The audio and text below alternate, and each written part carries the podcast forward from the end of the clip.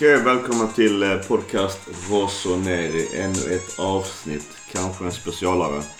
Finns såklart i nätverk, Svenska fans och Milan Club Svezia som vanligt. Vi kör en eh, megatung intervju. Och det blir på min knackiga engelska. Jag har bott i England men det var fan 20 år sedan så att den är sjukt dammig. Men eh, mottagaren är eh, kanske inte den hetaste på engelska heller i alla fall inte enligt honom själv. Så vi får väl se hur det går. Jag har också sagt till honom att blir det struligt så ta det på italienska. Det är bättre än inget i alla fall. Och så får vi tillsammans översätta det hela.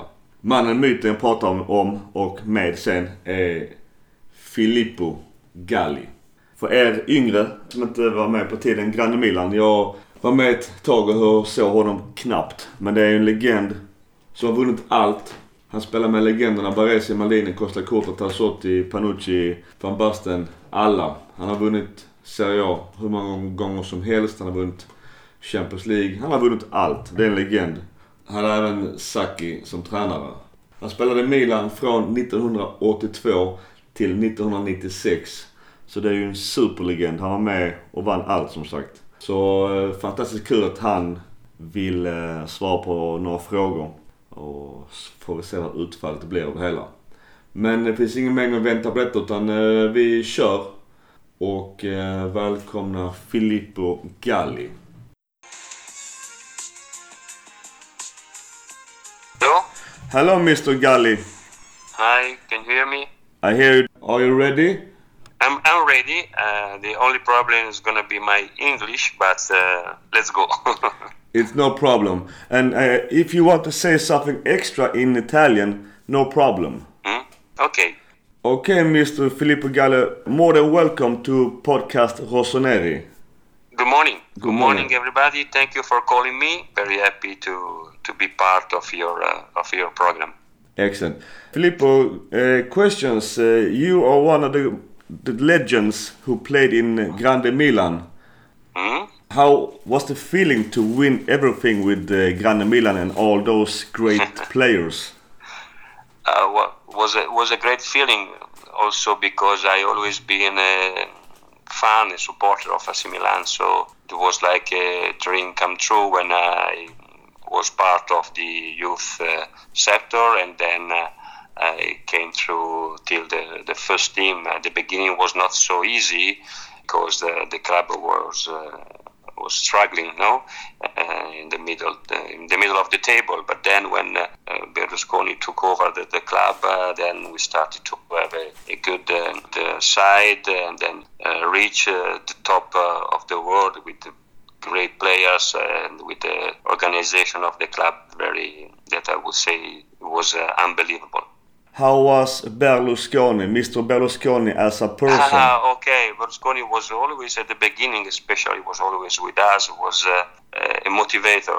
was uh, always pushing uh, us about about uh, be to be professional and to be uh, always committed uh, at, at the at the reaching of the of the of the aim. Uh, as soon as uh, he took over the club.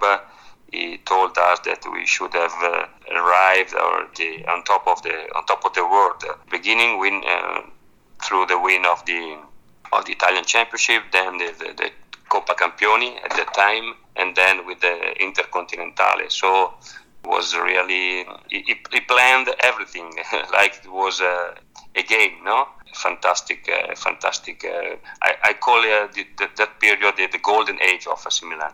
Indeed. And you were born in uh, Monza, which is really Yeah. close to Milan. Uh, so I Yes. suppose you were a born Milanista. Yeah, I was born Milanista, not because I was born in Monza, but because my my aunt and my my uh, cousins were uh, uh, a Milan supporter, and I used to go with the Milan club by bus to watch uh, to watch AC Milan. So I can remember in 1969, the when uh, AC Milan won the, the championship, uh, the star, where the, the 10th championship, the, the Scudetto of the of the star. No, when uh, after 10, when you win 10 Scudetto, you can uh, put the, the star, the, the, the gold star on, on the on the shirt. And so I was at uh, at the game with Bologna in San Siro, and Rivera was in the middle of the of the field of the pitch, asking to the people to move away from the second second ring of the of the stadium because uh, of the stadium because uh, was uh, in danger. So it was unbelievable that uh, a player could move with just a microphone all, all the people. So it was uh, to me it was fantastic. I, I don't know if uh, I've been clear, but it was really exciting. And how was your own career in AC Milan? I was part of the of the youth sector for three years. Then I moved uh, on loan uh, at Pescara in Serie C, third division, where I reached the, the, the second division. But then uh, AC Milan called me back, and I started my professional career with AC Milan in 1983. So I was 20 years old. As I told you before, the the beginning was not so easy but then was uh, was really unbelievable to to live such a uh, such a um, great moments. I think that uh, team of that time could be um, reminded uh, not only for the, the wins but uh, uh, for the way this team played football. And how was the atmosphere in the team and with all those great legends? Oh well, we had a lot of great legends, but I think what was really important was the attitude to the to the work of, uh, especially of the Italian players uh, such as uh, Baresi, Tassotti, and uh, all the Evani and all the, the, the, Italian players that was part of that uh, of the team. And on this team, some uh, very great players uh, like the, the, three Dutches at the beginning came and uh, were part of, of the team and allow us to, to win the first championship in, in 1987 88, if I'm not wrong. and how was it to play with legends like Baresi? Baresi was it's really a legend to uh, to the AC Milan supporters. So for me it was uh, was great. I, as a, I went to the to the stadium to, to watch Baresi playing, and then a few years later, I was alongside uh, him uh, in the center of the defensive line of AC Milan. So it was another dream come true. And it's difficult to explain what what was my feeling at the time, but was uh, was great. My first uh, Milan idol was uh, Marco van Basten. How was he as a player and as a person? the Swan of Utrecht was uh, was unbelievable. Yeah, was, exactly. I think uh, is the, the great uh, the greatest player apart from Baresi. I mean, uh, as a, as a striker, as a forward, I think the greatest I I've ever seen in in, in not only in AC Milan but in the Italian Championship. And Grande Milan they won everything, but do you think there's a recipe for all their winning? What made what made them so great, the Grande mm, Milan? Well, there's no recipe. I think uh, the, what uh, made that uh, team that very, very, very strong uh, and unreachable uh, was uh, the connection between the club the players uh, and the supporters as well. So we were very very united. Uh, that's what uh, was the the formula, no? The, the what made us uh, very strong, very very good at the, at the, at the game. At the moment, Serie A was the best league in the world. Do you mm. think we will ever see Serie A will become the best league again?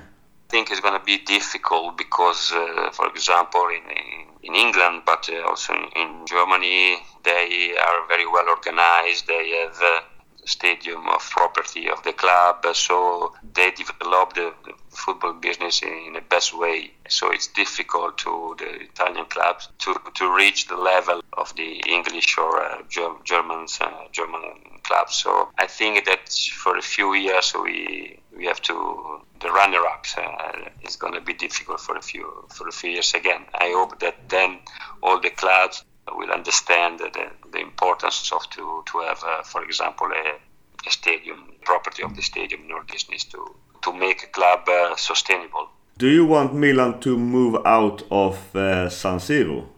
No, no, no. I would like that uh, they can find a solution about this problem. But uh, on the other on the other hand, I know that uh, it's going to be difficult because uh, because of what I, have just said. Know, the club must be sustainable, so club must have a, a stadium that can be exploited uh, all the, the years, uh, all the year, every day. So at the moment, San Siro cannot uh, cannot meet this uh, request. Uh, I, I, don't know. I don't know. In, in my heart, uh, I want I won't leave San Siro. Definitely.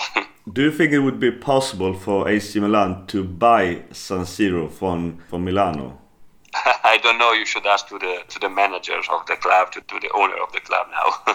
and how how is it to train and be at uh, Milanello as a player? Uh, Milanello in, in Italy, I think, is the best training ground uh, so far, and uh, it was uh, was unbelievable to be there because you can you can get everything in Milanello. Now uh, it's been when Berlusconi took over the club, he refurbished the all the, the, the facilities, uh, but Milanello was great and improved year after year. How is your contact with AC Milan today? Uh, well, I have uh, friends in AC Milan. Of course, I have some uh, some of the players uh, and some of the people that are part of the of the club. I moved away last year because I had some discussion with the, with the man- management, and unfortunately, I had to I had to to, to leave. Uh, it was really sad to me, but uh, that's life. and another legend, uh, Maldini, he's back at the club. What do you think he will do to the club AC Milan today? I don't know. I don't know. Maldini is, uh, has been many years out of uh, football, so he needs to, to, to learn. And uh, he's working alongside uh, Leonardo, so he can he can learn uh, from Leonardo. But uh, of course, it's not easy. The club has to be back on top, or at least in the in the first four position. it won't be easy. I still believe in that we can make it, but it's going to be very, very difficult. So we will see on the, the game uh, what's going to happen on, on next uh, Monday night. What do you think about AC Milan's season so far? It was like a roller coaster, no? it was uh, up and down. And unfortunately, in the last uh, month, in the last two months, we lost off all the, the, the, advantage, the advantage that we had on the other uh, competitors. We are a, little, a, bit struggling. Then we also had some uh, injuries, uh, especially at the back uh, with, with the defenders. Uh, gonna be tough, but uh, as I told you, I, I'm still confident to get uh, the, the, the, fourth the fourth place in the championship. We have four more games this season. Yeah. What do you hope, or what do you expect, or what do you well, think about course, those games? Well, I, am sure. I'm sure that with 12, 12 points, uh, we we can get the, the fourth place. But also with, the, for example, with 10 points, so three wins and a draw, yeah. we can uh, get uh, a position uh, probably level with with Roma and Atalanta In that case, we go through the Champions League because of the not the, the goal difference, but uh, for the, the games that we won against Roma and Atalanta. Uh, of course, I'm not a magician; it's only hope. but what do you think will happen to AC Milan if we miss Champions League and we also miss EuroLeague? Well, uh, to be honest, I, I don't know. I don't want to think about this uh, scenario. I want to be positive. Do you have any opinion why we have lost so many games lately? To be honest, I, I, I don't know. I don't know. It's so it's so difficult. Uh, even if uh, I'm close to, to the club, I don't know what's really going on uh, inside the club. Uh, so really, I would uh, say something that is not uh, is not supported by by facts. So I don't know. To be honest, it's very difficult. Another legend, uh, Gennaro Gattuso, is AC Milan's head coach. What do you think mm-hmm. about his performance this season? He's trying to do his best. It's, it's not easy when you are um, leader of uh, such an important club, being an unbelievable player. Be the leader as a coach of uh, of the team is not uh, is not easy. I think he's trying. I think he's trying to do his best, and we hope that we can but uh, Milan can get uh, the fourth place. I can say anything more, unfortunately. We have seen Brocchi, Seedorf, and also Inzaghi on the bench. How big is the pressure to be a head coach of AC Milan? Even today? Uh, the, pre- the pressure is a very high pressure, of course, because uh, you are every day on the paper. In, in Italy, we have three sports uh, papers, uh, newspaper, and so the pressure is always on on their shoulders. And uh, now with the, with the social network, is networks, it's it's not easy to write something. So it's not uh, it's not easy to be there, but I think it's uh, it's exciting. No, there are two sides of the of the same medal. Another legend, uh, Mr. Arrigo Sacchi, was your head coach. What was he doing so good, and what was his tactical plan for winning all of yeah, those games? yeah, it was was really great, Enrico. Uh, I forgot to mention him when I said uh, before about uh, what uh, made us so so a, a big team because he was uh, the, the coach that uh, brought us something uh, something new, the way to to face the, the, the opponents and the way to think uh, about football. So it was uh, it was like a revolution. I think that we can say that there's a football in Italy before Sacchi and the football in Italy after Sacchi. So it was a, a really a, a coach that changed the, the, way to think football uh, in Italy. Do you think there's a big difference in discipline in a team today as it was when you were playing?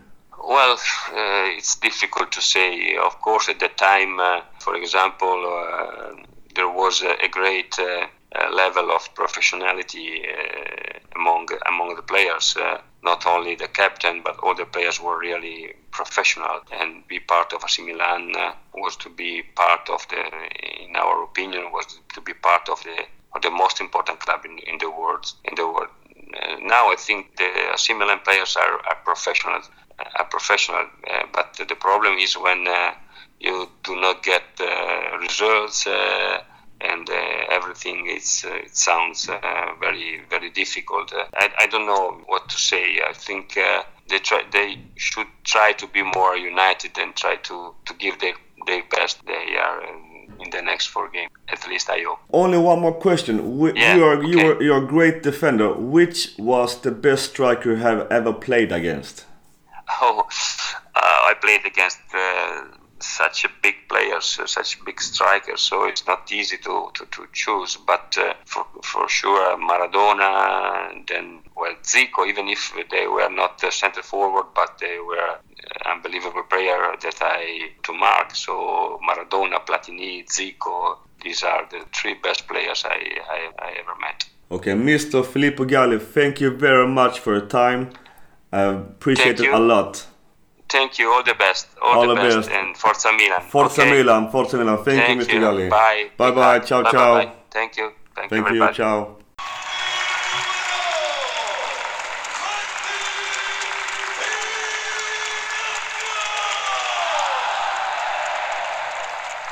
Okej, Filippo Galli. Sjukt tungt att få prata med en sån superlegend. För er yngre som inte vet vem denna legenden är så får ni gå in på Youtube eller kolla på nätet. Se hans resumé. Det får alla dagens fotbollsspelare att bli supersvartsjuka. Men vi köttar vidare.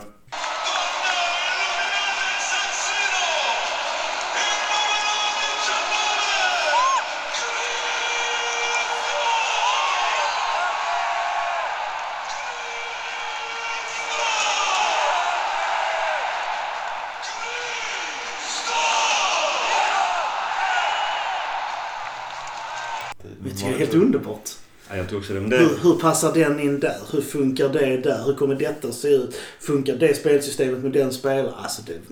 Ja, just det. Nu grabbar, record. Vi är igång. Välkomna. Tack så mycket. Grattis Gustav! Gustav!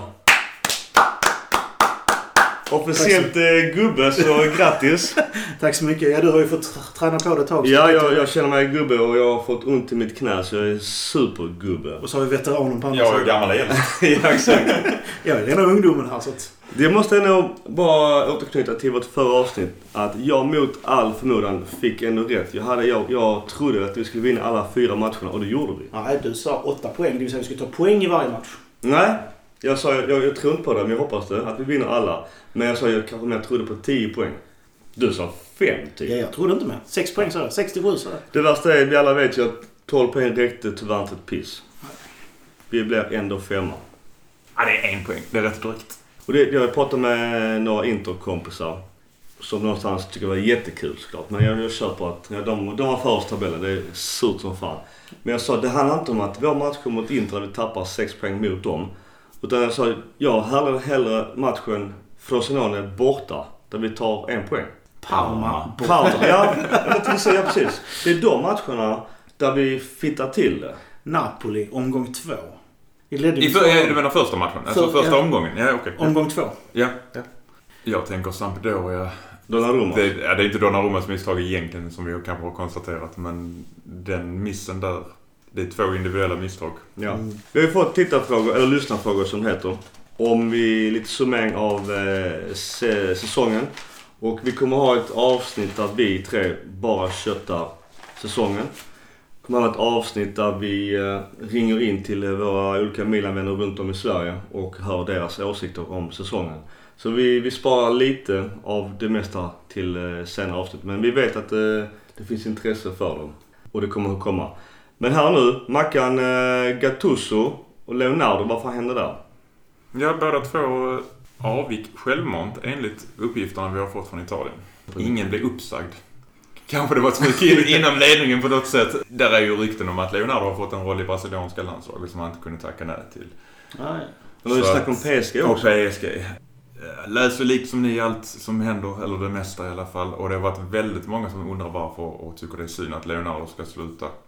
Och jag är inte riktigt lika säker på att han hade varit rätt för Milan i dagsläget. Etablerad före detta Milan, han är. Så var det ändå, om vi ska vara ärliga, en nödlösning när han kom in. Det behövdes någon, det behövdes någon som kunde fixa det.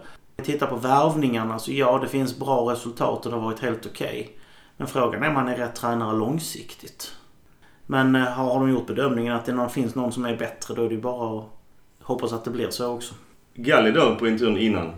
Han eh, någonstans hintar nu man ser utspelet efter, efterhand han- man pratat med honom.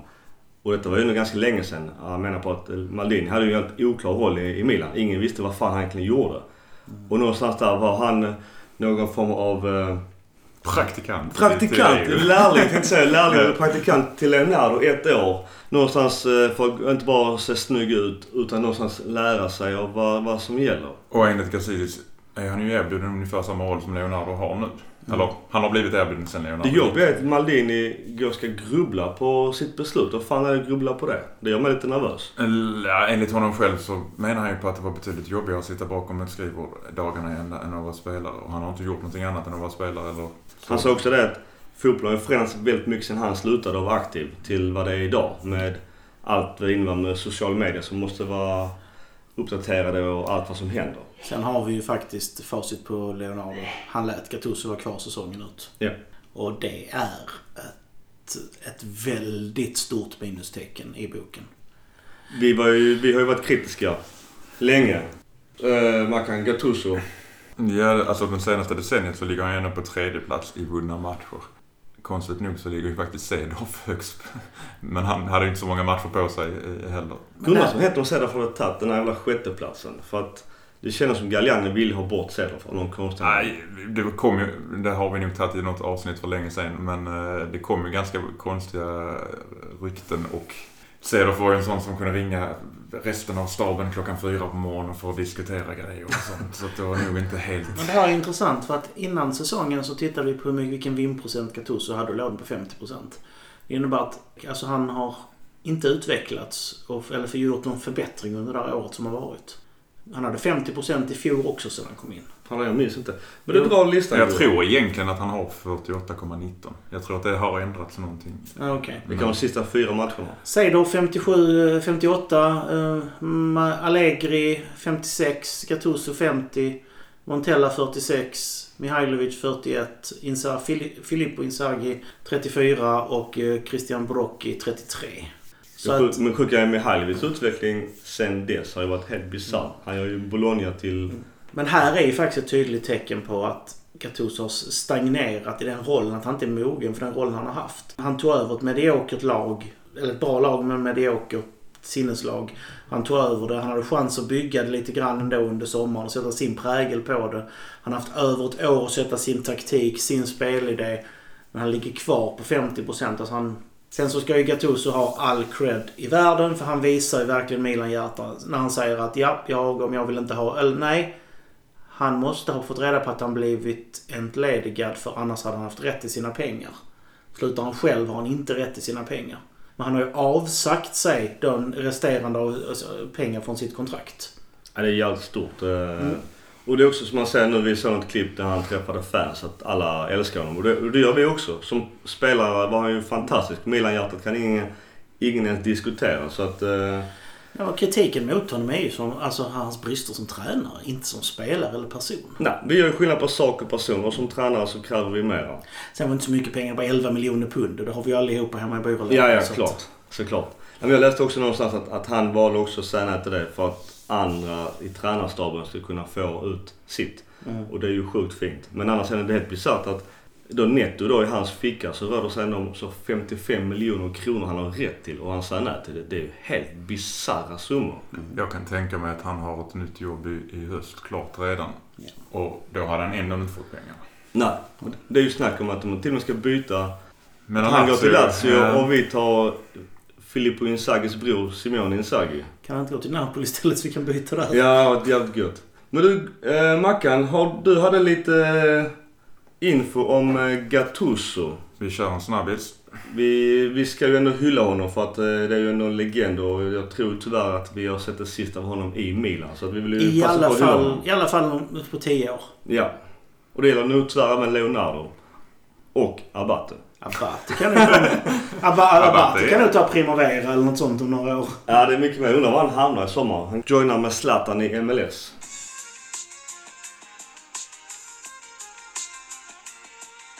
Gennaro Ivan Gattuso. Han är född 1978 den 9 januari. Det vill säga att han är 41 år i år. Och han är född i Kalabrien i södra Italien om ni tänker bak, mellan klacken och tårna. Ja. På, I ett ställe som heter Corgliano Calabro. Och har han på senare tid även köpt en fiskmarknad för att han vill främja att den lokala befolkningen kan försörja sig. Ett stort hjärta. Fick med Beckham och inviga den till exempel för Oj att skapa lite uppmärksamhet om det. Han är gift eh, med en Monica och har två barn. En pojke och en flicka. Eh, Det får räcka där om det privata. ja. Fan, kan du ringa en scoop? Ja, där är lite roliga grejer men har- han kommer nog lite senare. Ja. Eh, Som spelare spelar han först i, på seniornivå i Perugia mellan 95 och 97. Sen så gick han en, säsong till Rangers. Där spelade han 34 matcher och gjorde tre mål. Efter det köptes han till eh, nyligen Serie A-klara Sal... Nu ska vi se hur jag uttalar det. Salernitano. Sal... Ja, precis. Det är ett gammalt klassiskt lag. Mm. Men de, när de, han, de köpte honom för de kom upp i Serie A. Mm. Där gjorde han 25 matcher och gjorde så pass bra ifrån sig att Milan fick upp ögonen för honom och köpte honom för 8 miljoner euro 1999. Samma år Shevchenko kom. 8 miljoner på den tiden var Ja, betydligt mycket. mer än Ja. eh, idag. Och där vet vi ju alla att han spelade ganska länge. Han gjorde 387 officiella matcher och gjorde 10 mål. Avslutade sedan sin karriär i schweiziska Sion där han gjorde ett mål på 27 matcher. Där han dessutom var spelande coach ett tag. Inte så bra. Nej, inte så bra. Men det var nog inget val där för det var, jag tror att tränaren fick kicken mitt under säsongen. Ja. Totalt gjorde han 483 klubblagsmatcher och 14 mål eh, under sin spelarkarriär. Hur många gjorde han för Milan sa du? 10 Matcher? mål. Äh, Ja, 10 matcher. Mål. Eh, 10 10 mål på 387 matcher. Landslaget har han då spelat i Italien. Även massa U, ungdoms, U18, U20, U21 har han spelat. Men eh, mellan 2000 och 2010 spelade han för A-laget. 73 matcher och ett mål. Och hans stora bedrift där var väl att vinna VM 2006 i Tyskland. Det var mycket Milan i den stommen. Mycket Milan i den. Eh, Men Maldini eh, la av precis. han la precis in. Så jävla surt. Bittert. Sen blev han ju då tränare, eh, som jag nämnde så var han spelande tränare i Sion eh, 2013 och sen värvades han till Palermo som sällan byter tränare. Jaså? Det har aldrig hänt? Nej, det har aldrig hänt. Där var han väl en halv säsong eller eh, en kanske. Sen så blev han värvad till Kreta där han eh, gjorde den här berömda intervjun tror jag. Presskonferensen. Ja. Sometimes going good, sometimes going shit. ja, vi har väl alla sett den. Det är fantastiskt. Det, egentligen hans stora bedrift som kanske fick upp ögonen för det var ju att han tog upp Pisa sen från 2015 till 2017. Tog han upp från Serie C till Serie B. De har ju blivit relegerade en gång sen efter det, men det, då hade han slutat som tränare. Så 2017 tog han över Milans Primavera-lag och mindre än en halv säsong senare blev ju Montella kickad och då fick han ansvaret för A-laget i Milan. Och det gjorde han bra den halva säsongen. Ja, från den Vi 27, gillar ju ändå från den 27, 27 november fram till säsongsavslutningen så fick han ju i alla fall ordning på, Strukturen. på strukturen. Ja. Där. Vi ska ta lite titlar och pokaler. Ska vi göra det? Absolut. Eh, Vi fokuserar på Milan för det är ju ändå där Ja. han spenderar mest tid. Alla vet ju hans VM-guld. Precis. Han vann Serie A med Milan 2003-2004 och 2010-2011. Han vann italienska cupen 2003, supercupen, italienska supercupen 2004-2011.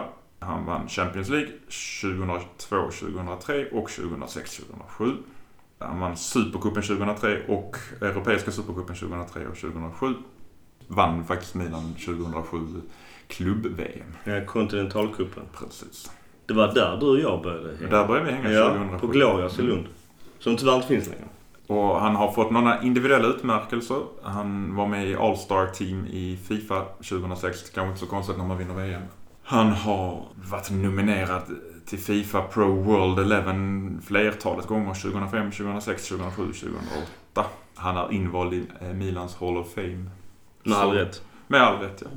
Så han har ju en hel del eh, utmärkelser och bedrifter faktiskt, får man ge honom. Och som spelare bar han tröja nummer åtta och var eh, högerfotad. Sjukt högerfotad. Jättehögskjuten. Men han gjorde ändå ett mål mot Juventus med vänster tror jag. Ja. Och han spelade på en hel del olika positioner men eh, där han var bäst och spelade mest var ju som defensiv mittfältare. Där han själv beskriver sig som inte den mest bollbegåvade men kompenserar med vilja och vinnarmentalitet. Jag minns Pirlo bara avbryter där. Att han berättade också någon gång att anledningen till att han är så bra och kunde vara så bra. Det var för att han behövde inte aldrig egentligen tänka bakåt. För det fanns ju alltid Gattuso. Och skulle han mot för att vara bortspelare så var ju Ambrosinen alltså. Ja. Det, det var ju stängt. Att en, en sån kille som är så utpräglad defensiv mittfältare och bra på det sätter Biglia där. ja. Ja. Den har jag inte riktigt fått Nej. ihop. ja Alltså, blir- han, han borde ju verkligen se vad som krävs i positionen. Fast han tänkte, tror ni inte att han tänkte att Biglia skulle vara Pirlo? Och Jo. Kessie skulle vara Gattuso? Jo men då ska ju inte Kessie skickas upp i den offensiva pressen eller Bakayoko. Nej, ja. Ja, det blir fel. Fortsätt Mackan. Ja, men ni, ni kom, ni, det jag skulle säga var att han gjorde ju Pirlo bra helt enkelt. Offensivt bra. Han har ju som sagt var vinnarmentalitet eh, och grinta. Eh, Ibland på gränsen. För en match mot Catania i december 2008 så gick hans främre korsband av eh, tidigt, tidigt i matchen. Men han spelade klart hela matchen. Det kanske inte jävlar. var så klokt. Hur fan klarar man det? Han spelade klart matchen och dessutom så... Kylspray. Ja, precis. Han, dessutom blev han opererad och återhämtade sig på rekordtid. Eh, Svamp med kallvatten. Så han Mm. var, han var tillbaka. Fan, det har jag helt miss... eller Jo, glömt den bort. kommer jag ihåg. Han, I i alla fall han blev klar en månad tidigare så han hann med att spela några matcher innan säsongen avslutades. Det som vi mer kanske kommer ihåg var hans problem med synen. Där han fick problem med en nerv som gjorde att musklerna i ögat gjorde att han såg ibland fyrdubbelt. Eh, Det slutade med att han sprang rakt in i nästa och krockade med honom för han såg inte honom överhuvudtaget. Jo, men jag har läst att han har ett jättegravt synfel. Ja, det blev det för att han hade en nerv som satt i kläm Mm. någonstans som gjorde Kan ha sådana Edgar Davids glasögon? Eh, Ja, men han kom ju tillbaka men han spelade ju, han förlängde ju inte kontraktet på grund av detta. Så att detta var ju sista säsongen. Han sa att han hade, han, han såg fyra Zlatan, han försökte passa till dem i mitten sa han. Och det är väl det jag menar på gränsen. Han visste nog om detta innan matchen men han ville inte ge upp. Så att säga. Där är en hel del kontroverser kring, eh, kring Gattuso också. Han eh, vinnarmentaliteten i- övergick ibland till att han blev kanske för aggressiv. Alla kommer, eller alla, ja, det är bara för att jag är gammal gubbe som sagt var, men jag kommer ihåg en hel del av dem. Senast var det 2011 Champions League mot Tottenham. Han på linjen. Där eh, Joe Jordan som var vicetränare då, som dessutom har spelat i Milan en gång i tiden. Har han det? Fick sig ett par... stryptag, Ja, ett stryptag och efter matchen fick han dessutom, blev han dessutom, fick han en danskant av. Och Joe Jordan är ju ändå en tuffing ska man säga. Ja. Det är ingen man går på bara sådär va? Nej. Och 2003, detta kommer inte jag ihåg. Men i en gruppspelsmatch i Champions League så eh, örfilade han Zlatan när Zlatan spelade i Ajax. Och man kan se bilder så är faktiskt Zlatan mer än ett huvud längre och Mm. örfilar honom där. Det är ändå rätt så vågligt. ja, ja. Undrar vad Zlatan gjorde då? Alltså Gattuso är ändå Gattuso. Alltså, det är nog bara, det är ungefär som Stefan Schwarz. Bara, bara, bara, Ja, låt det vara. Låt det vara. Mm. Det är nog fan första gången Zlatan vänder andra kinden till kan jag tänka mig. Och kanske enda. Ja, Jag kan tänka mig att det var lite annan situation när, när Zlatan spelade i Milan sen. För då var det nog han som bestämde, och inte ja Gattuso. Ja. Jag kommer lägga upp en liten länk till några roliga grejer på vår Facebook. En, en sak som faktiskt ska nämnas. eh, Jag var på föreläsning med Fröjdfält och Martin Ingvarsson, den svenska domarna. Mm. Och de sa att den, den spelare som faktiskt alltid behandlar med respekt, gick och pratade med och så vidare. Det är Gattuso. Han är enormt respektfull mot, mot domaren. Ja, fan. Ja, visst han kanske naturligtvis reagerar och så här men det gick alltid att prata med honom, det gick alltid att lösa situationer. Även om man inte överens kunde man släppa och gå vidare. Det finns en klassisk från EM 2000 när han står och pratar med Fröjdfält i finalen. Mm. Och han liksom, och han säger, han, tydligen säger han till Fröjdfält att eh, Kom igen, du kan väl blåsa där. Och han, och så, han får något svar av Fröjdfält och bägge börjar skratta Ja. och, och så går de därifrån. Härligt. Det är härligt att se. Tyvärr har han inte alls uppvisat samma som tränare, men det är en Nej. annan historia. Men som spelare enormt respektfull. Att det var synd att Italien vann EM. Det var ju Trezeguet som avgjorde på övertid. Det var inte klassiskt supermål, men jag tyckte Italien var bättre i den matchen. Det, jo, det var ju det han sa till Fröjdfält. Kom igen, du kan blåsa av nu. Det är bara två minuter. Det är bara en minut kvar. Det är bara en minut. Blås av nu. Det skulle han gjort. Jag kan ju inte, sa Fröjdfält. Fan, de ser ju mig. Nej, vi spelar lite till. Och sen gjorde Frankrike mål. Ja, skit. Har du något mer att säga Mackan om Gattuso som ändå hyllar idag? Eh, nej, sen tog han ju över som tränare i Milan eh, 2017 och fick göra det när Montella fick sparken. Men han var ju nödlösning då. Och det Ja. var, vi får komma ihåg att det var inte Elliot som satte honom som tränare utan det var ju faktiskt kinesägt. Mm. Och han fick förlängt i april 2018 för då hade han, de tyckte väl att han gjorde ett bra jobb på de fyra månaderna. Så, vilket han jämfört med Montella gjorde ju. Men det är också så dumt, för det minns jag vi pratade om där och då, att ge han i alla fall, låt han vara. Han kommer inte sticka någonstans. Nej. Så det är dumt att skriva så långt nytt Så skrev han till 2021 i april 18. Och sen så kan vi diskutera om, han, om Elliot gjorde rätt som gav honom fortsatt förtroende denna säsongen. Men Elliot kom in väldigt sent. Transferfönstret var ju nästan slut när Leo var på plats och Mm. allt det. Så att byta tränare då kanske hade gett mer kaos. Det vet vi inte, Ja. det är svårt att säga. Det som vi också diskuterade, eller spekulerade, hade det Elliot kommit in tidigare hade man kan, kanske kunnat huggt Ancelotti. Kan. Man vet inte, men Tittar man fjolåret, det, 2018. Ha? 2018. alltså året 2018 så var han ju Mm. tredje bästa tränaren i Serie A. ja, när han tog över. Ja, na- 20, alltså året 2018. Det är, ju säsong, det är halva säsongen 2017. Mm. Ja, precis. Då var han ju tredje bästa. Då var han ju tredje bästa tränaren i, i Serie A. Mm. Då, hade, då hade vi tagit en tredje plats. Jag minns vi, vi sa ju tydligt att eh, det fanns en annan struktur och tydlighet när han väl tog över efter Montella från Montellas flygplanskaos. Precis. Hade han bara kört vidare på den linjen istället bara för att laborera och jag visste nu med... Jag tror ju, där är ju svagheter taktiskt. Det, Ja. Bytena var ju katastrof många gånger. Han hade ju kanske en underpresterande, ett underpresterande lag också. Men vi, det tittade vi på när, vi, när, jag, fick, när jag utvärderade förra säsongen ju. Mm. Eller för, förra nu blir det ju. Just den här konsistensen i taktiken. Att han, han höll i den, hade en idé, han körde på den. Det blev någonting vettigt av det. Sen så jag vet inte, hans, helt plötsligt skulle han vara en tränare som var större än sina skor nu den- denna säsongen. Ja, kostymen blev för stor. Hade han bara Han trott på enkelheten. Erkände ju själv att han inte sovit på 18 månader. Så Han var väl lite gråhårig Så, också ja. från innan. han sagt ganska tydligt att den nya inriktningen på klubben med att bara satsa på talanger var inte något som passar honom heller. Inte Leonardo heller Eh, tydligen. nej, det är svårt att veta varför. På något sätt så ska han ändå ha cred för han gjorde ändå en eh, Milan till ett bättre lag än de var under Montella i alla fall. Ja. Montella gör ju ingen lycklig Fiorentina heller. Och som jag sa till er, förmodligen innan vi började spela in här nu, att han var i alla fall ärlig och det är ju en rätt stor skillnad jämfört med många andra tränare. Berätta det. Ja, han, berättar ju om varför de värvade Laxalt och Castillejo och det var till största anledningen var väl att de klubbarna var skyldiga Milan pengar. Så. Och rent är också något som man har misstänkt. Och, och det är ändå skönt Ja, med att han säger tanke, det. med tanke på att de knappt har fått spela. Ja. Och det är ju inte Gattusos fel. Nej. Det är ju i så fall, då ska vi skylla på Elliot och Leonardo kanske. Det var bara som vad fan, kräv in pengar. Är ni skyldig pengar? Fan upp med pengar. Eller lämna tillbaka spelarna. Ja. Ja. Jag menar en Carlos Bacca hade inte varit jättedålig i Milan idag. Har haft tre anfallare i alla fall. Ja. Istället för två. Ja. Nej men som sagt Gattuso Så Gattuso ska ha all heder. all heder. Och det, och det som vi också varit inne på. Eh, att man vill ju ha kvar med klubben på något sätt men samtidigt har inte varit bra nog som tränare. Och det är som jag också pratat med vissa på Twitter runt om i hela världen. För att det är kul alla har olika åsikter. Men jag hävdar fortfarande på att våra två akilleshälar, alltså weakest link. Jag säger hela tiden, över 38 år så är Musacho vår absolut sämsta spelare. Alltså odiskutabelt i min bok. Och sen också när man ser nu när han spelar Hakan då som mittfältare istället för eh, offensiv mittfältare till vänster. Han har varit bra sista fyra matcherna. Ja, det ska jag ändå säga. Okej. Okej då, jag sitter Han har varit bättre än innan. Ja, han har inte varit, han, okej, men säga så här, han, har, han har inte bara sprungit massa kilometer och varit dålig. Han har varit helt okej. Ja, Faktiskt. Det är som jag sagt innan. Gattusos bra tränarbeslut har kommit av skador och andra saker. Inte av att han har tagit rätt beslut med, när, från, själv från början, utan han har tvingats till dem. Ja, då har ju fått Bakayoko fått en annan roll. Och då har man sett att han är jätteduktig. Och, Fast hans dåliga beslut har ju också kommit på grund av skador. ja, ja.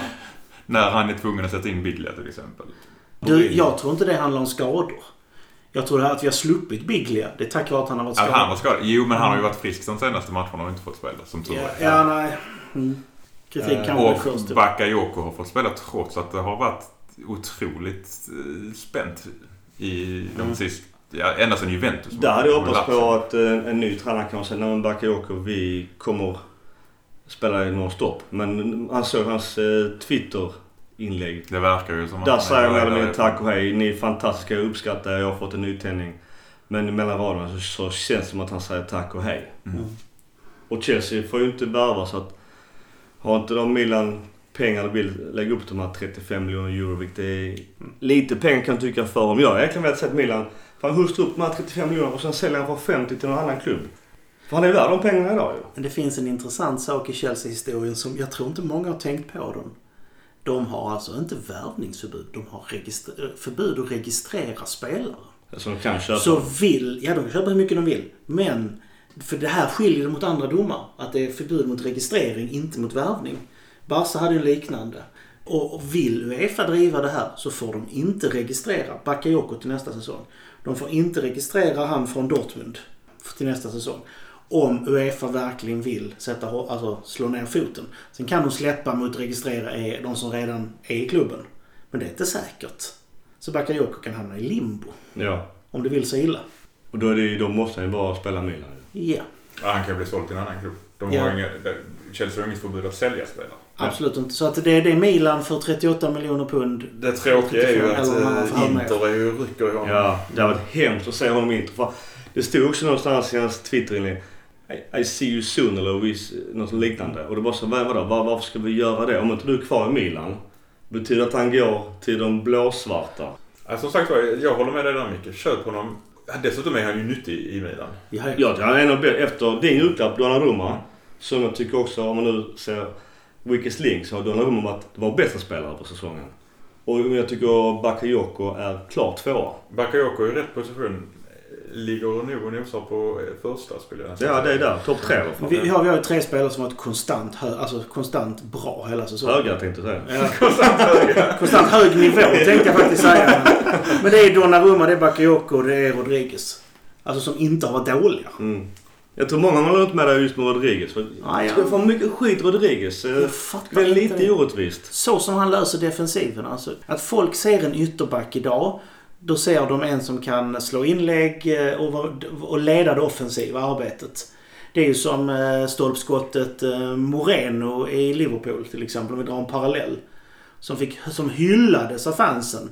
Men han, han, han tog inte ett steg rätt i försvarszonen. Ja. Jag menar verkligen, alltså, när kom bollen mot hans markering så gick han åt andra hållet. Men han hyllades och var, räknades som hur bra som helst. För att han var bra offensivt.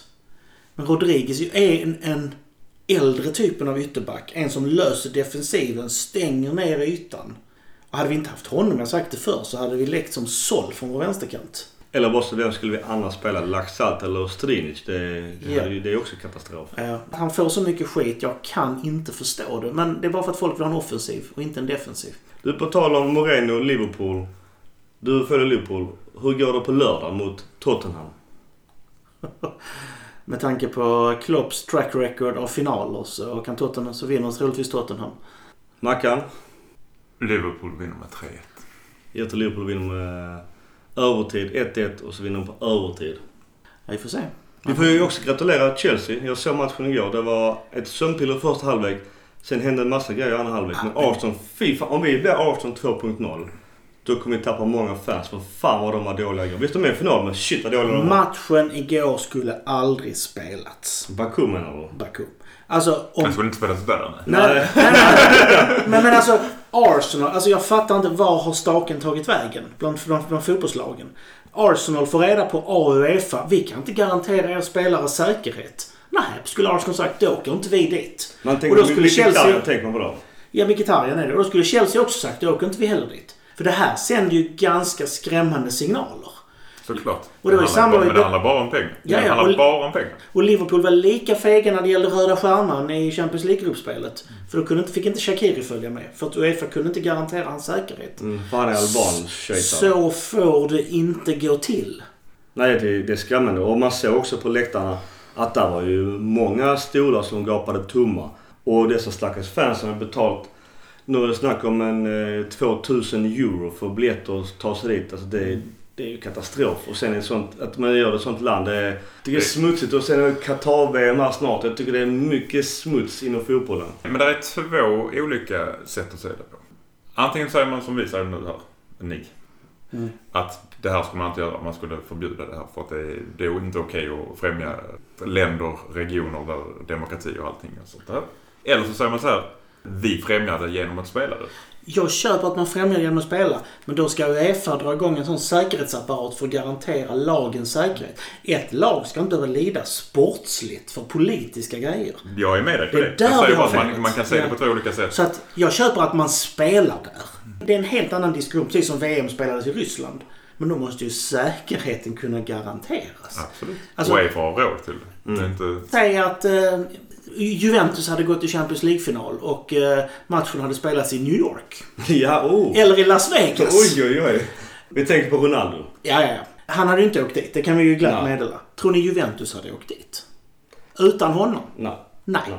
Då hade matchen flyttats. Det handlar bara om att Mkhitaryan är inte tillräckligt stor stjärna. Nej. Det vill också säga det här på tal om eh, länder och eh, demokrati. Och Milan spelade ju i Saudiarabien mot Juventus. Men till vårt försvar, det vi säger nu, då var det en helt annan säkerhet för båda lagen. Även sen tycker jag Danmarks kvinnor fick till och med vara med på läktaren. Så det fanns någon positivitet i det hela den matchen. Där man då kan, där, att, att det blir till positivt Man kan vrida och vända på det. Man kan se två sidor Ja, det är två sidor man kan, man kan välja att se det negativt eller positivt. Ja. För det var väldigt kul för jag kunde se kvinnor på läktaren i. Saudiarabien. Så det var, det var någonting positivt i den matchen. Bara så det inte blir hyckleri här. För att matchen i sig spelades i Saudiarabien. Milan och Juve fick pengar för det. Så vi, vi sålde oss, absolut. Men det kom någonting positivt ur det. För det första, ett, säkerheten. Alltid A och O. Men sen även det, det positiva att då man fick se kvinnor på läktaren i Saudiarabien. Så att Absolut. det är en helt annan femma nu så inte folk tror att vi eh, blandar och ger. nej, nej.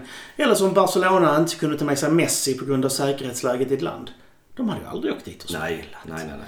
Jag fattar inte hur lagen går med på det och det är fruktansvärt. Nu är vi vän och blad.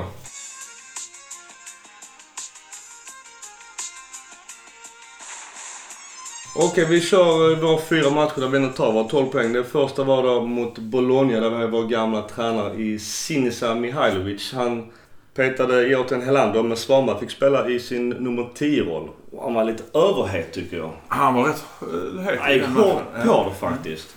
Jag tror dessutom att Bologna och Helander kanske går skilda vägar i sommar. Det är mycket rykte. Det ryktas om det. Malmö vill ha hem Helander det är väl inget med emot. Det kommer nog kosta en hel del. Bi- Biglia fick ju spela defensiv mittfältare här och det var ju det var så öppet så att man undrade ifall den spelade någon där. Den hela ytan framför backlinjen var ju bara övergiven. Återigen måste man säga, Polly, vår gamla ratade spelare. Återigen gör han en jättebra insats. Han är duktig. Alltså rättare sagt, där- han är kanske ganska lik Gattuso. Han har ju jävligt mycket vilja. Sen har han kanske inte be- begåvningen. En trend vi såg i den här matchen och som vi sen genomsöker fast rätt att Suso har börjat, börjat med inspel. Vi pratade om det till Castillejo han gjorde mot Parma var det? Att han har faktiskt börjat passa.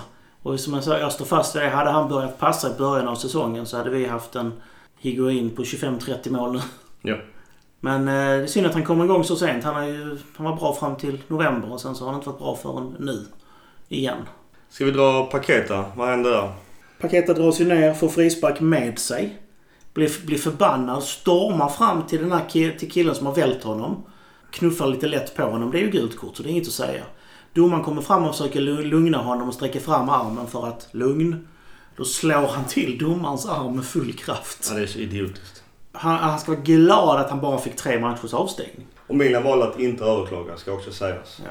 Men vi återigen, vi har mer än 50 000 på läktaren. Så det ska bli intressant att se vad vi får Jag i publiksnitt. det. Det röda kortet är, är jag med på. Men jag, jag tycker inte det Det gula. gula, nej jag håller med. Det, Jag tycker inte det gula är... Jag har sett tio gånger värre grejer än... Så regelboken är att, att angripa en motståndare utan fysisk kontakt, vilket det faller under, är gult kort. Men däremot det kommer ju komma en del klipp runt om i Serie A efter det här där andra spelare gör likadant mot domarna och det händer Fiorentina. ingenting. Ja. Mm. Och du vet, då blir det bara så, vad fan. Där i Fiorentina spelar ju rätt mycket värre. Han Det tycker knuffar ju jag bort också. domaren. Det kan jag ju säga att det här kommer utvärderas av domarna efter säsongen. De här, alla de här situationerna gås igenom. Det kommer att tas upp, det kommer att gå igenom. Men i slutändan hamnar det på att Paqueta gör fel. Så Ja. där... Ja. två fel blir ju aldrig ett rätt. Nej, absolut inte. Sen var han dessutom dålig i matchen. Du, bara kort. eh, En spelare vi ska ta transfer silly season i sommar såklart. Men eh, bara nu när vi mötte Bologna. Orsolini som var på gång till oss för något år sedan. Han spelade i Bologna, eh, utlånad från Juventus. Han tyckte jag var hur blek som helst. Så jag förstår inte varför han är på Milans radar. Är det något ni minns alls? Nej, inte jag heller. tyckte han var blek. Kommer inte ihåg honom om han inte var blek. Ja, Så precis. att, Generellt hade det, det var mycket slarv. Det kändes krystat på något sätt. Deras mål är ju att uh, Musacho bara skiter i liksom Ja. som gubbe. Återigen var weakest link. den här fina sekvensen där Biglia blir skadad.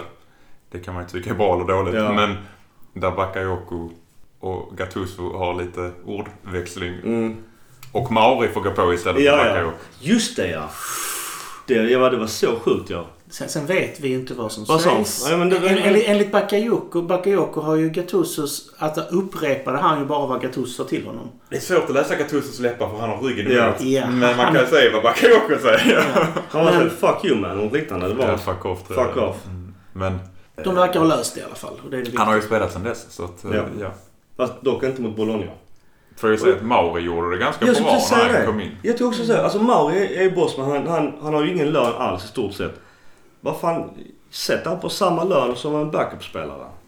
Ja, faktiskt. kommer ju tappa nu tack och lov både äntligen Bertolacci och Montolivo. Det är rätt så feta löneposter. Ja. Mauri tjänar eh, 192 000 pund i månaden. Ja, det du kan tycka att man har råd att behålla.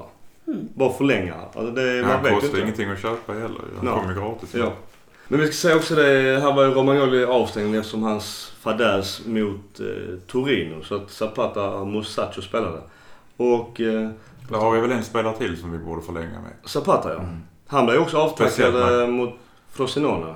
Speciellt när, när eh, Caldara är skadad och vi vet aldrig riktigt när han är tillbaka. På tal om då eh, Romagnoli. Han fick någon Gentleman Award. Och det som vi skrev i vår interna chatt, de måste ju helt missat Torino borta. För det var ingen gentleman alls. Nej, herregud vad han gick på domaren där. Två gula kort för domarhån. Men det kan vara en markering för klubben också. För Romagnoli har sagt rätt många gånger att jag, blir, jag får gula kort varje gång jag säger någonting till domaren. Och jag är kapten, jag ska kunna prata med domaren. Mm. Så det kan vara en markering från Milans sida som klubb att vi tycker att du gör rätt. Ja. ja. Och då tycker jag Milan gör fel. För att så som han uppträdde mot domaren i Torino-matchen. I Torino-matchen kan jag hålla med, men han, han har blivit... Han har fått rätt många gula kort för domartrots utan att jag vet vad han säger. Det, är- det är ju svårt. Han kan ju säga dumma grejer såklart. Men Han har ju också varit i eh, ljuset här som han säger att han trivs. Han är kapten och han ska ingenstans. Och det får man ju hoppas. Ofta när man säger så är man på väg bort. Så att eh, hoppas inte att han blir oss som blir offrade för eventuella financial fair play. Ja, officiell prislappen ligger på 90 miljoner pund. Så att Ja, det är bara att ta det i så fall. Det, hade jag kunnat köpa faktiskt. Jag men då skulle du definitivt förlänga med Zapata. Ja, ja men det är såklart, såklart. Ja men Mustafi ska vara på väg in. Så Många rykten. Många rykten. ja, Ja. Men det tar vi senare. Vi tar nästa match. Och då har vi Fiorentina borta som har varit så jävla dåliga i år. De har ju, deras form har varit katastrof. Och varför det? Du menar 2019? För Du menar- innan... eh, Ja, 2019. Ja, eller sen Montella tog över kan man säga. Det var där. Där fick jag svar. Ja, ja. Artemio Franki inför 32, eller 33 000.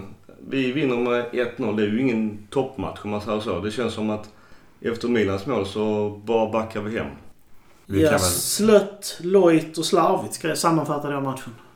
Ja, det kan man säga. Jag, jag, jag tänkte titta lite på just Hanna Milenkovic och Biragi som är i defensiva linjen i eh, Fiorentina. Även då Lafont som är målvakt. Det är mycket snack om dem. Såklart Kesa, men han kommer nog inte kunna röra.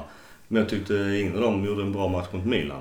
Lade ni märke till. Det mest fascinerande i hela den här matchen det är att vår, vår liksom expert på fasta situationer gör ett nickmål. Ja, Den, eh, på inlägg från Susu.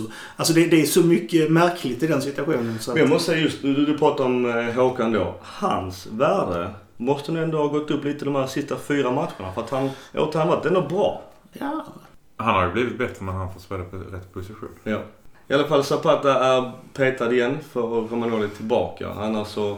Abate då, han har ju spelat. Vi var lite oroliga för Abate men jag tycker att han har gjort det bra. Nu när både Calabria och eh, Conti har varit lite off också.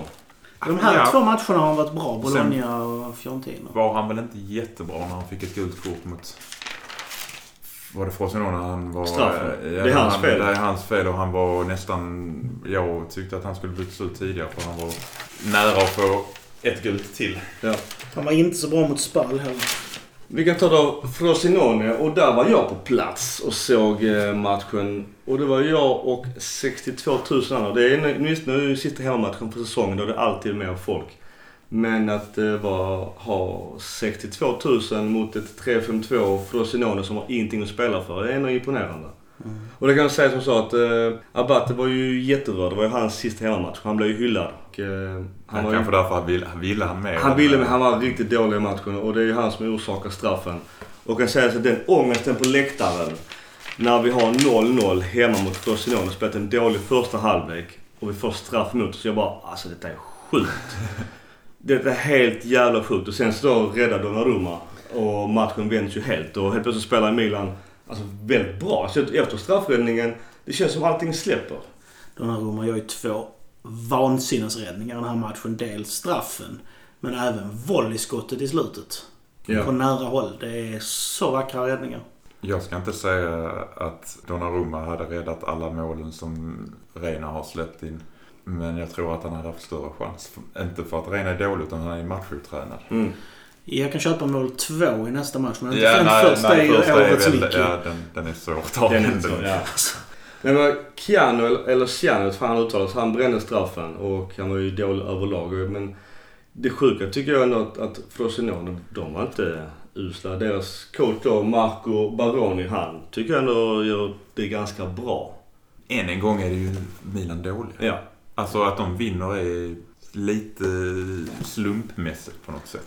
För hade de gjort mål på straffen, då tror jag Milan hade kollapsat. Ja, det tror jag också. Det var så mycket ångest då. Men det är samma sak i alla de här fyra sista matcherna efter Torino. Att det, det är inte bra, men vi möter lag som inte har någonting att spela för och då vinner den som får lite med sig liksom. Ja, jag skrev väl till er att vi får beakta motståndet. Ja, Tycker det är schysst att Piontek fick göra ett mål. Han behövde ju Äntligen. det. Han behövde det. Äntligen. Tyvärr blev det ju inte 10 plus 10. Sussus frispark. Vad säger vi om den? Den är helt fantastisk. Fantastisk. Eh, hade han likt Messi gjort 10 sådana mål på en säsong hade han ju varit... Nu kanske det är det slump. Eller är det, är det att han är duktig? Ja, men jag, jag kan tycka återigen, både Suso då, som också ryktas som att han vill ha nytt kontrakt och lika mycket som Donnarumma. Och det tycker jag inte han ska ha. Då är det bättre att släppa honom i så fall. För nu kan vi kanske återigen få de här 38 miljoner euro han har i sin klausul. Jag har svårt att se att ett lag som vill slåss om titeln kan ha en Susu.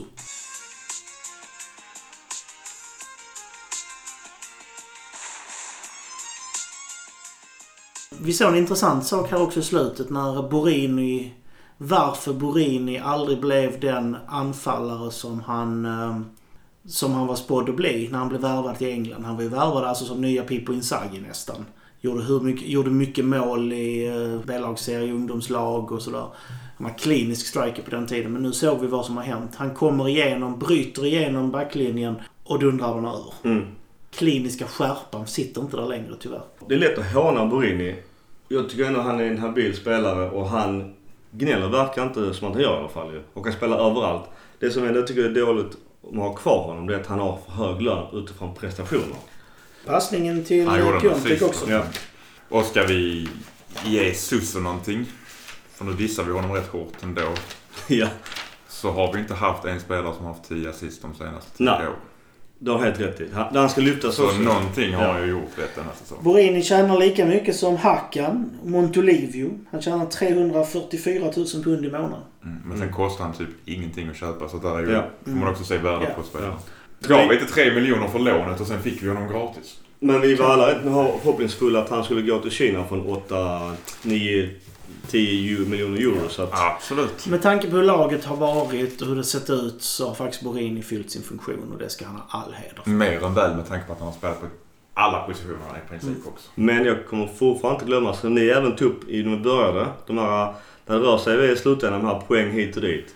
Det är han som fittar till det mot Parma borta med den frisparken. I och för sig Gattuso som sätter honom som högerback. Men det är ju också är men det är inte hans fel. Det pratar man- det var Musacho som säljer honom. Ja, Allting är Musashi. ja, ja men alltså, vad ska han göra? Alltså på ett, tar han inte den frisparken så är de två, två passningar så är det två man fria.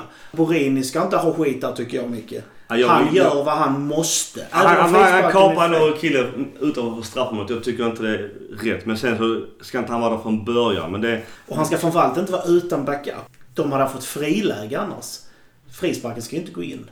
Ja, det är sjukt bra frispark ska också sägas. Ja, det är det. det, är det faktiskt. Men Musacho backar honom och sen går han därifrån.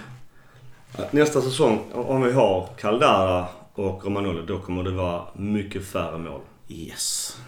Vi släpper släpper in 36 mål. Kan det stämma? Nu googlas det för fullt här. Vi har gjort 55 mål och släppt in 36 i ligan. Ja, precis. Så att det är ju ändå okej trots att vi har Musacho. Så nästa år kanske vi släpper in 30 mål och då är vi på, på Champions League-platsen. Men det är det att vi har gjort för få mål. Men då ska man också säga, då Inter som blir hyllade då, då är bland annat av mig själv med Skriniar och Devrey som kanske bästa mittbacken av alla. De har inte släppt in mycket färre mål än vad vi har gjort.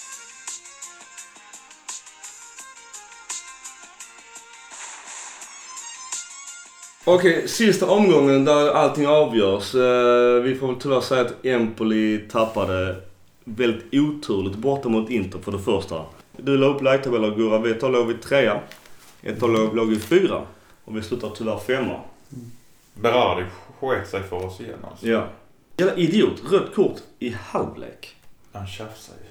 Han måste ha gjort något väldigt dumt. Och han har ju till och med även varit ryktats till Milan och kunde tänka sig Många komma. stora klubbar. Juventus också. Ja. Sensi verkar ju också ryktas väldigt mycket från Sassuolo. Han var ju, spelar ju inte alls. Ja.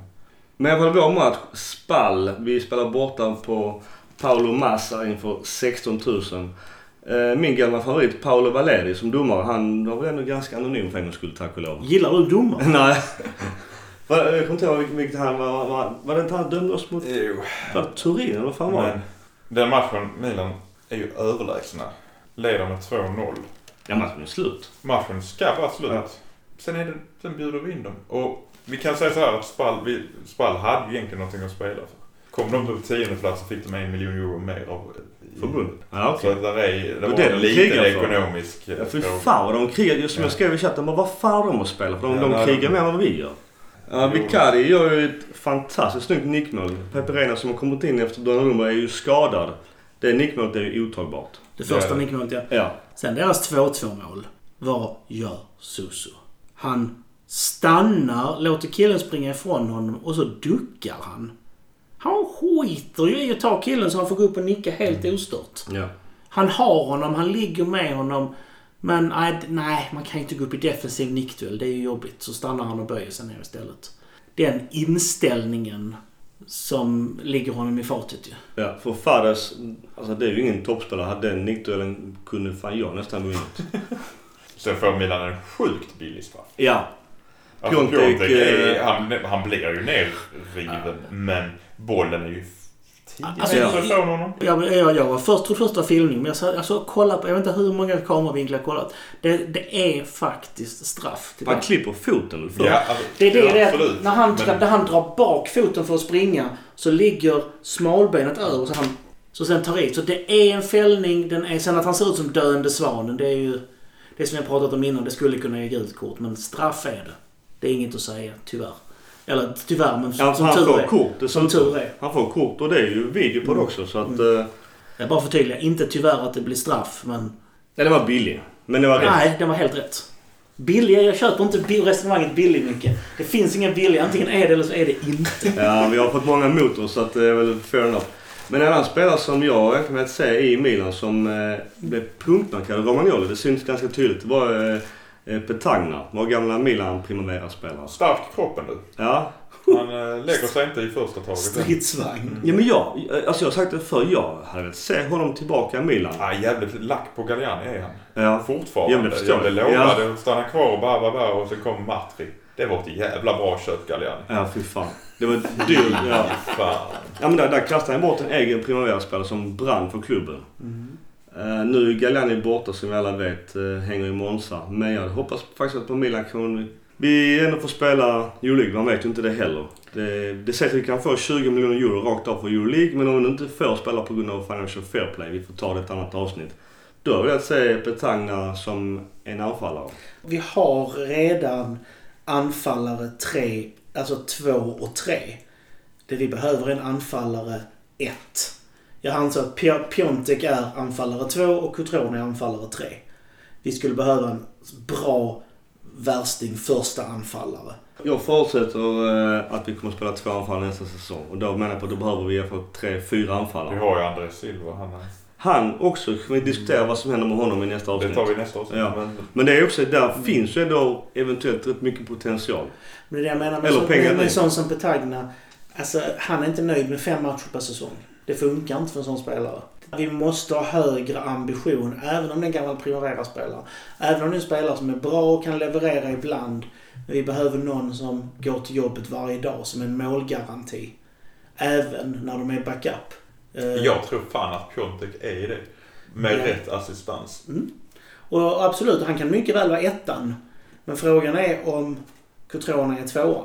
Eller om Cutrone är trean eller fyran till och med. Jag vill se dem båda på plats samtidigt och ha Petagna bakom och kanske André Silva. Nu tror inte jag att André Som Silva... Ja, jag vet inte om André Silva är intresserad av att gå tillbaka till Milan och bli, bli andra fjol. Det, det kan jag inte tänka mig.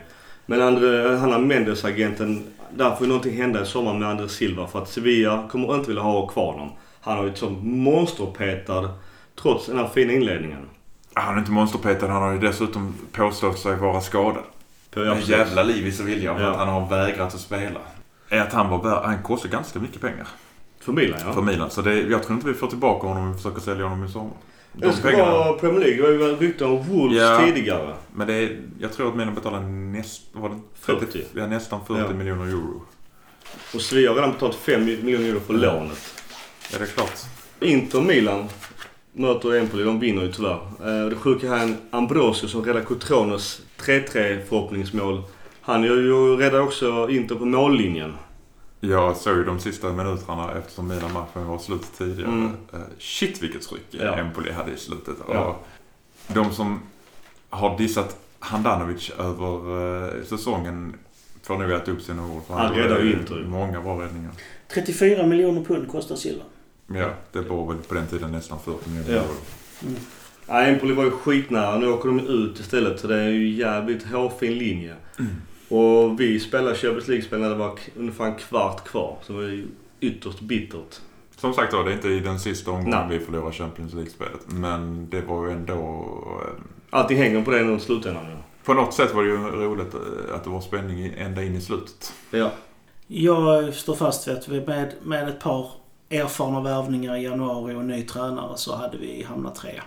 Och då får de väl Gazidis se ett par erfarna värvningar. Det är lite det. Ryktet säger att han stoppade både Godin, Godin och Zlatan. Godin bredvid Romagnoli i backlinjen och sen Zlatan på topp. Det hade ju gett i alla fall en annan stämning i omklädningsrummet. Ja, det är också eh, lyssnarfrågor vi har fått in just med eh, Gazidis.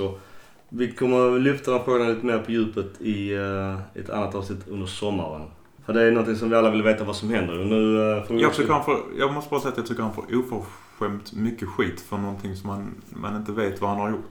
Nu har han ju faktiskt uttalat sig också att han, han vill inte ha att vi värvar unga spelare för att sälja vidare utan att han vill värva spelare som kanske är yngre men som kommer att vara Milan-spelare i många år och vara viktiga för klubben. Det är det senaste han har sagt Gazidis. Och stämmer det så tycker jag inte det är så fel. Sen kan det bli bra rutin ibland också. Om det kommer rätt erbjudanden och sådär.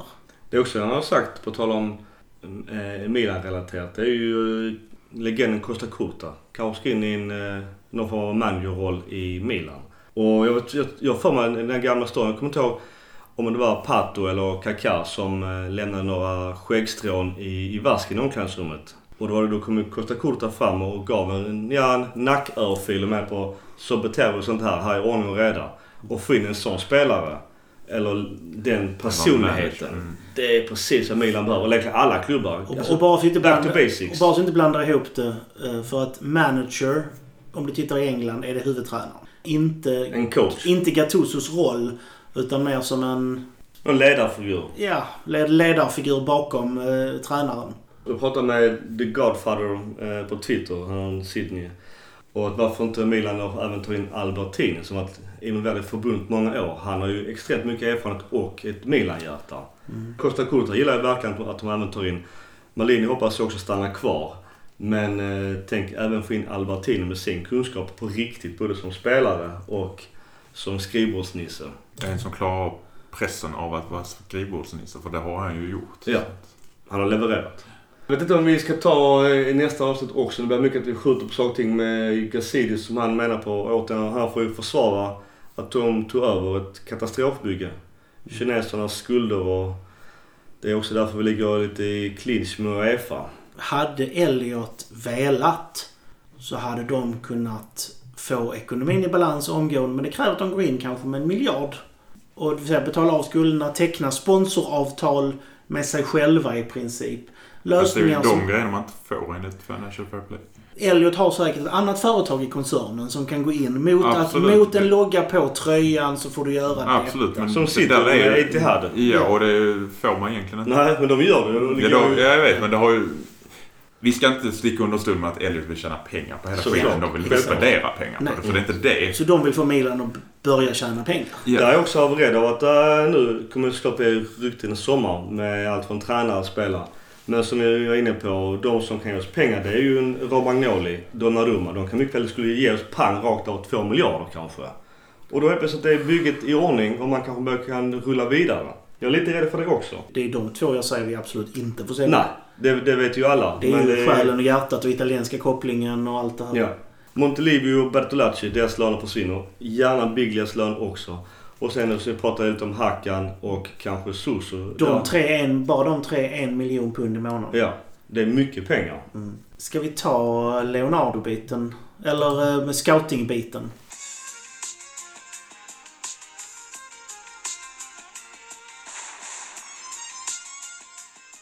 Leonardo har ju fått eh, gå. Sparken vet jag inte, men har fått gå. Du hade väl någon siffra på vad han skulle kosta? För det var också en lyssnarfråga. Ungefär vad han kommer kosta han med. tjänar kaffepengar har han gjort. Han har haft 38 000 pund i månaden, det vill säga 21 000 pund efter skatt. Det är ju jättelite. Det är ju jättelite. Men ledare tjänar inte jättemycket egentligen om du ser på det. är bara vissa som gör det. Jag ser på kontot nu vad han kommer få i Ja. Inter. Men det är det är huvudtränaren, men det är bisarra summor. Eller som Capello sa att eh, jag, jag ska alltid tjäna mer än den spelare som spelar mest. För jag ska vara viktigare än spelarna. Ja, det är Och det, och det här gjorde han i Real Madrid Ja. också. Okej, vi återgår eh, till Leonardo. Om du bara snabbt Mackan, vad har han eh, tagit in? Jag sitter bara och funderar på att Spalletti helt plötsligt är ledig. Det är ju klart idag. Han fick gå idag. Okej, Det är, men sen att Konto tar över är inte helt klart. Men han, Spalletti har fått kicken. så då kan man få honom han, gratis. då är han ju ledig. Det är nog Men han spelare, kanske inte är någon som är talangtränare. Jag vet inte. ganska stabil Serie A-tränare. Sen är det ju inget sexigt namn alls. Det är klart han har dragit ner Icardi-grejen. Det, det är inte så snyggt. Han gjorde det inte så snyggt med Totti i Roma. Så. Ska vi, ska vi ta och prata tränare sen? Har du lediga tränare också? Ja, nej, det, det, ja förlåt. Jag bara Ja, men kör. tänkte högt. Om vi tar eh, vilka han har fått in här. Om vi säger... Eh, Leonardos om vi tar bort inköp. Ja. Caldara som han eh, i, i en Bonucci-affär med Juventus fick med in. Han fick in Piontek från Genoa. Eh, Paqueta från Flamingo, Flamengos. Castillejo från Villarreal. Sen så sålde han ju, eller han köpte loss. Ja. På sätt och vis han var tvungen att köpa loss Kalanic Jag tänkte undra om det gick på Leonardo. Eller det var, Jag det var tror- tvunget från Jag tror att det var tvunget där. Mm. Sen köpte han eh, Laxalt från Genoa.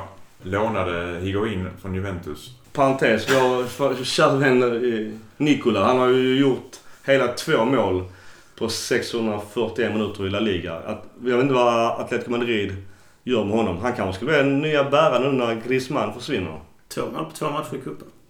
Ja, riktig kupp. Okej, vad säger vi om de här? Vad säger du Gurra? De här spelarna som vi har fått Ska in? vi kanske fortsätta gå igenom spelarna innan... Ja, men de andra är väl bara lån? Okej, ja just så det. Ja. vi, vi fick in Borini. Vi fick lån Bakayoko. Sen detta, innan var det ju faktiskt kinesvärvningarna av Reina och Halil- Halilovic. Men det var ju också i somras. Caldara är en riktigt bra värvning även om han tyvärr blivit skadad. Det är ju inte Leonardos fel. Nej, han har ju faktiskt ingen skadehistorik så att det var helt rätt av honom. Piontek riktigt bra. Paketa riktigt bra. Jag tror faktiskt Paketa är huvud... Alltså the prime.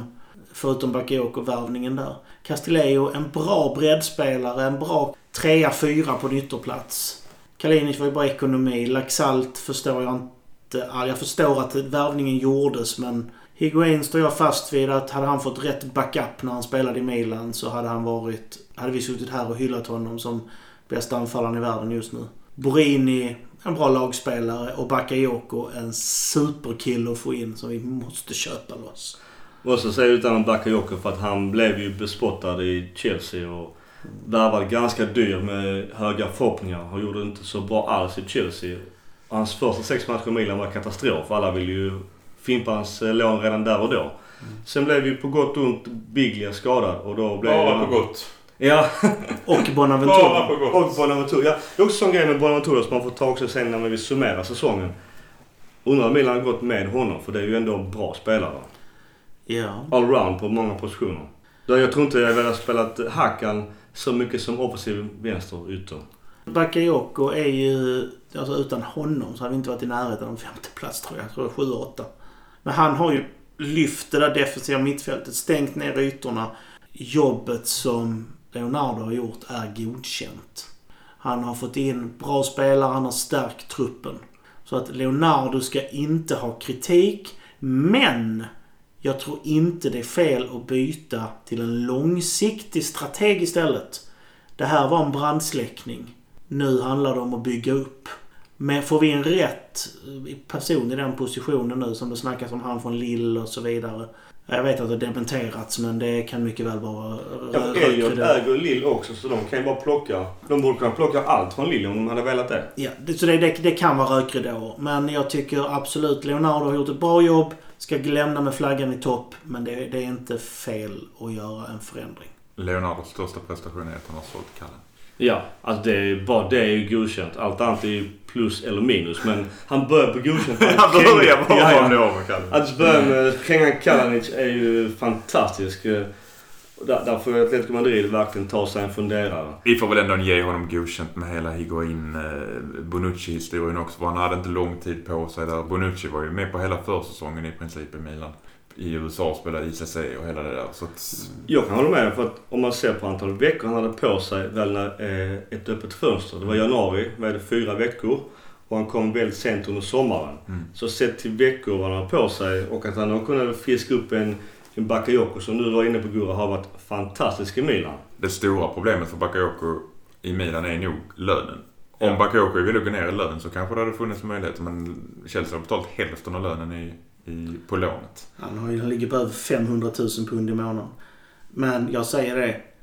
Vill Milan så säger de du är värd det. Du får samma lön. Kör. Det räcker med att ta bort två av de spelarna vi nämnde innan. Mm. Ta bort Montolivio och eh, Bert, eller vad heter det? Bertolacci. Så är du uppe på de pengarna. Ja, alltså så har du en Bonaventura som är förhoppningsvis frisk. Då har du ett mittfält. Han kan ju spela lite mer än mittfält. Mm. Men du har ju ändå ett mittfält som bara vill bli av med Biglia. Ja men Bakayoko, Bonaventura och... Och Kessie och Paqueta som kan komma in där. Både du och jag Micke vill Mm. nog hellre se Paqueta högre upp i Ja. banan. Men ja, Gustav också uppenbarligen. Vill Bakayoko stanna och så tycker jag att Milan ska köpa honom. Jag hoppas bara att Milan och, jag bara Milan och Leonardo skiljs åt som ändå buddies. Så inte det är någonting lurt också mellan han och Gazidis. För det som du sa, många fans ute i världen vill ju någonstans peka på Gazidis att den eh, sydafrikanen vet ingenting om fotboll eller Milan eller språket. Och den kulturen som finns i Milan och bara skicka en gammal legend som, som Leonardo. För att inte de vill se samma sak. Samma sak med Gattuso. Du kan tycka han borde gjort av med Gattuso redan i julas. Det jag känner är det, det dåliga, riktigt dåliga beslutet. Gattuso, man borde insett, vi pratade om det redan vid uppehållet i november, att det behövs någonting annat. Jag hade gärna sett att det hade bytts tränare där, en ny tränare hade fått lägga lite grunden. I januari kunde, kunde den tränaren fått justera lite grann och varit på banan redan nu. Det tror jag hade varit som Jardim som det pratades om till exempel. Sen tror jag ju att, att Gazidis har helt rätt i sitt resonemang att Milan måste bli en klubb som tjänar pengar. I alla fall går runt av sig själv. Mm. Det ska inte behöva skjutas till pengar. Berlusconi gjorde det i, i princip alla år. Sen blev han tvungen att göra försäljningar av Kaká till exempel för att inte hamna i Financial Fair Play-grejen. Och Milan gick ju jättemycket minus. Ja. Även Inter gick jättemycket Ja, minus. så att någonstans i modern fotboll kan du inte gå minus år efter år efter år. Och där har ju Gazidis sitt jobb. Se till att få in sponsorer så att det går lite bättre ekonomiskt. Nu kanske det är svårt i år eftersom vi inte spelar Champions League. Ja, det är ju en ekonom ute i fingerspetsarna. Och han har pratat om en ny arena. Jag tror att det kan behövas. Det är ett måste. För att få Jag, intäkter. jag fattar inte varför inte bara göra en deal med klubb, eller eh, kommunen att köpa loss San Siro. Nu verkar det vara omöjligt av någon konstig anledning. Men vad ska de annars göra med San Siro? Ja, utan de två hyresgästerna så har de nog inte mycket Nej, det är aktivitet. tomt. Det är ju tomt ju.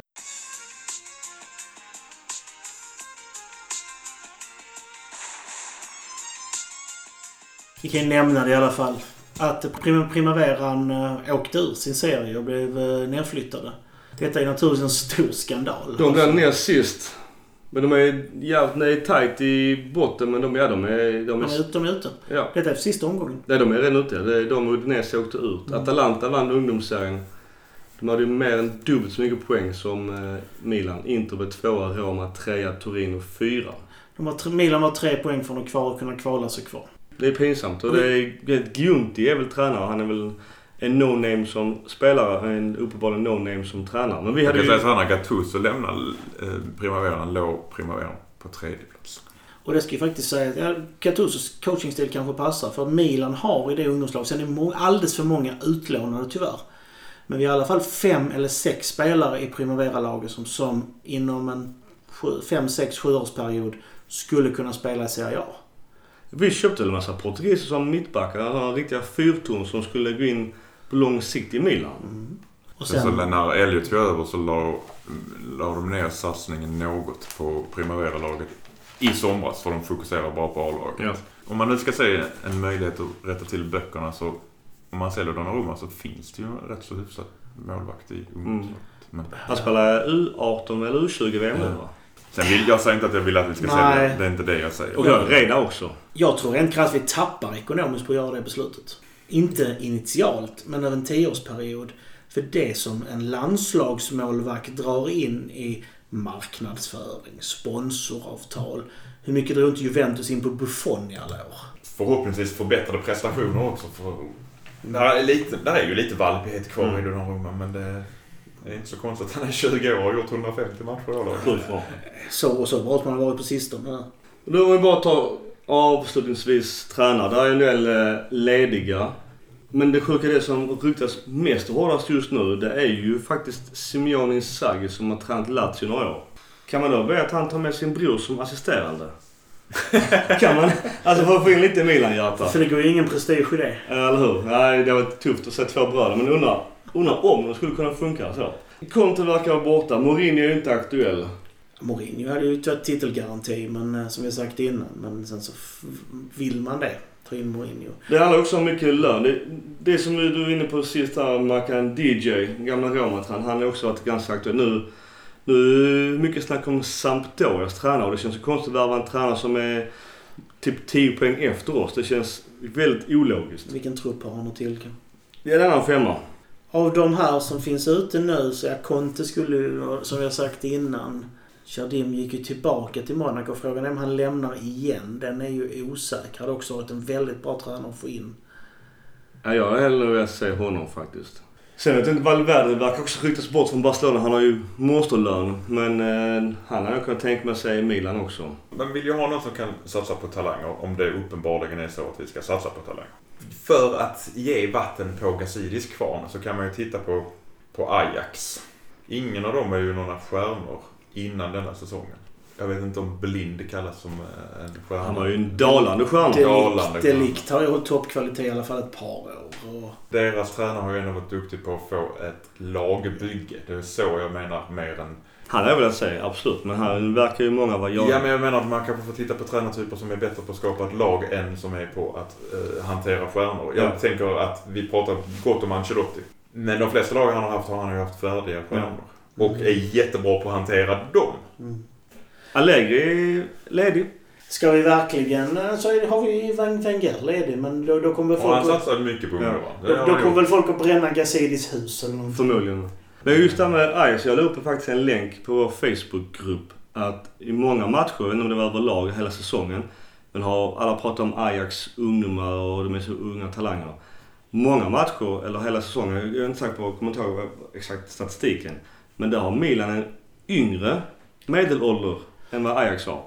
Milan har nu, jag tror, sista statistiken jag såg var att det var den näst yngsta eh, startelvan i Serie A över säsongen. Det kan man tycka är lovande för framtiden, men det är ju om man kan hantera det. Ja.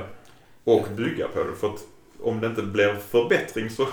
Det är också en lyssnarfråga där med tränare. Det, det är ju svårt, man kan ju spekulera i, i, i det oändliga. Jag vet att, som jag sa, Inzaghi Simeone har fått upp vad det ryktas är ett eh, kontrakt. finns ett wildcard på den listan som kan bli ledigt som men det är inte klart än.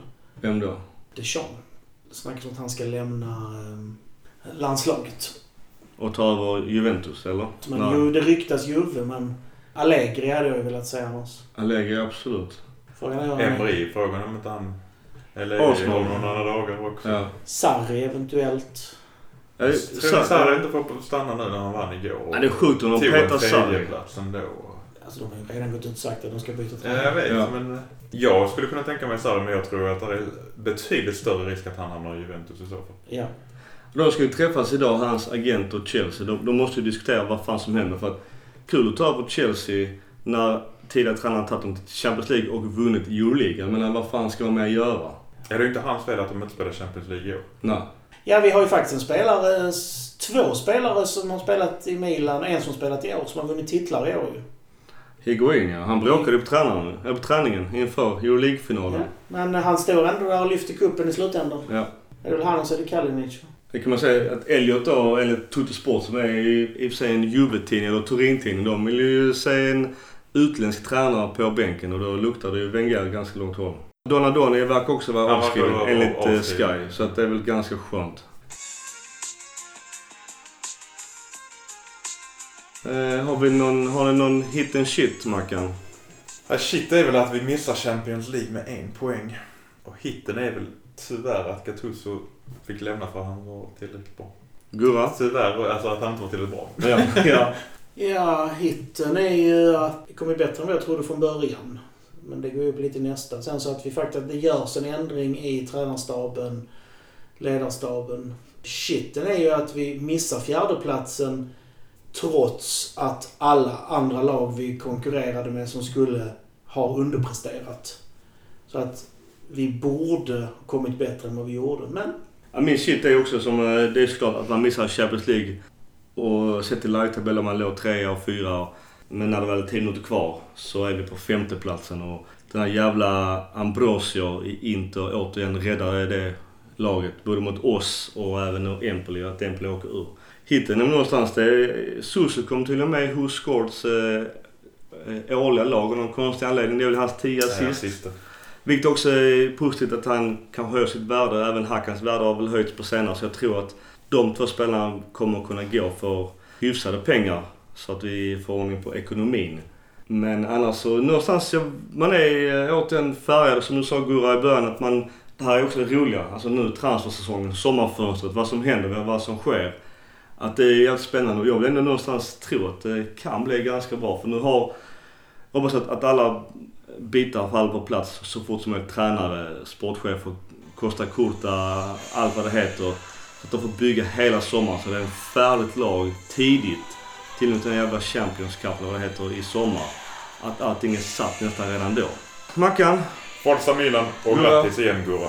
Gurra, Forza Milan, tack så mycket. Forza Milan och grattis Gurra. Tackar.